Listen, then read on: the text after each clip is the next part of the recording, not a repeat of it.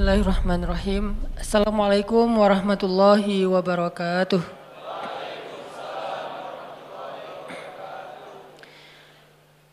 Innal hamdalillah nahmaduhu wa nasta'inuhu wa nastaghfiruh wa na'udzu billah min syururi anfusina wa sayyiati a'malina. May yahdihillahu fala mudhillalah wa may yudlil fala hadiyalah. Asyhadu an la ilaha illallah wahdahu la syarikalah wa asyhadu anna Muhammadan abduhu wa rasuluhu la nabiyya ba'dah. Allahumma shalli sallim wa barik ala sayyidina wa habibina wa maulana wa syafi'ina wa uswatuna Muhammadin sallallahu alaihi wasallam. Radina billahi rabba wa bi Muhammadin nabiyya wa bil islami dina. Rabbi syrah li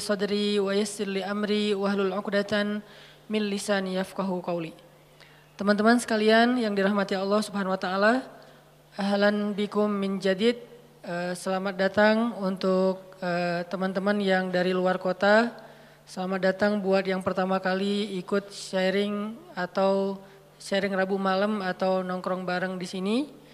Mudah-mudahan kita bisa terus belajar betah berada di antara taman-taman surga.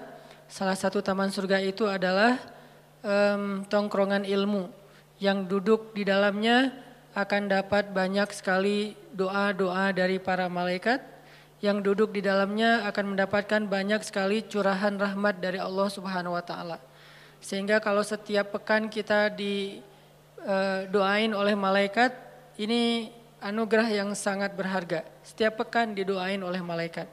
Minimal sepekan sekali. Kalau teman-teman yang lebih banyak ikut majelis-majelis ilmu, nongkrong di rumah Allah, mudah-mudahan setiap harinya didoakan oleh malaikat dan Allah Subhanahu wa taala mengucurkan rahmat dalam kehidupan kita.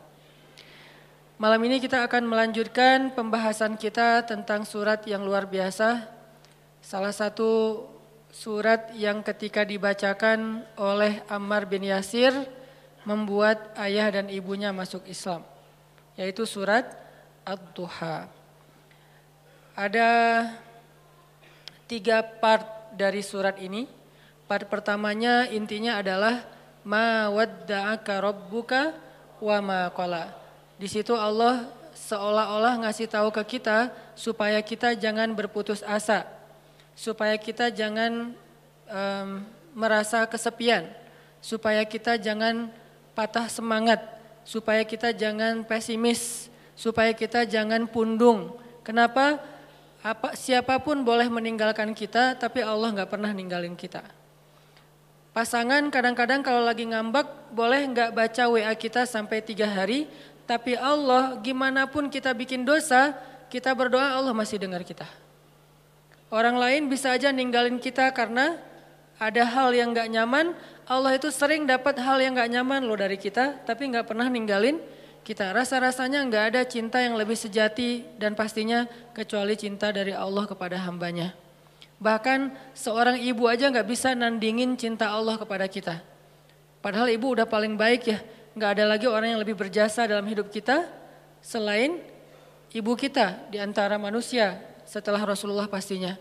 Kecuali ibu kita sendiri yang udah mengandung kita dalam keadaan wahnan ala wahnin, kepayahan demi kepayahan, melahirkan dengan resiko nyawa, menyusui dua tahun lamanya, membesarkan dengan segala bentuk pengorbanannya, ternyata itu nggak ada apa-apanya dibandingkan dengan cinta dan kasih sayang Allah kepada kita.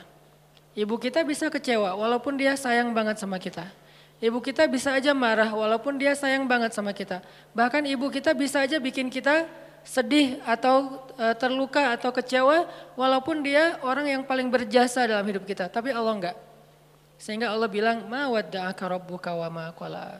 Ketika kamu merasa ditinggalkan oleh banyak orang, Allah nggak pernah ninggalin kamu.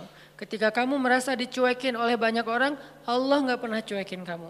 Buktinya, ketika kita banyak dosa pun berdoa, Allah masih mengijabah. Apalagi kalau kita ta taat. Itu part pertama dari surat Ad-Duha. Dan ini kita coba jadiin kayak motivasi hidup kita teman-teman.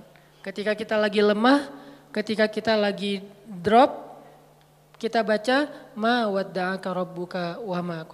Kalau kita mengaku Allah hasbi, cukup buat saya Allah, hasbi Allah, hasbunallah, berarti kalimat itu harusnya kalimat motivasi banget. Terjemahan dari kalimat itu banyak. Ma wadda'aka rabbuka wa ma qala bisa diterjemahkan la tahzan innallaha ma'ana. Bisa. Ma wadda'aka rabbuka wa ma qala bisa diterjemahkan dengan kalimat uh, fa inna ma'al usri yusra. Ma wadda'aka rabbuka wa ma qala bisa diterjemahkan Inni ma'akuma asma'u wa ara. Aku bersama kamu berdua wahai Musa dan Harun asma'u wa ara. Mendengar dan melihat. La takhafa. Jangan takut wahai Musa dan Harun. Idhaba ila Fir'aun.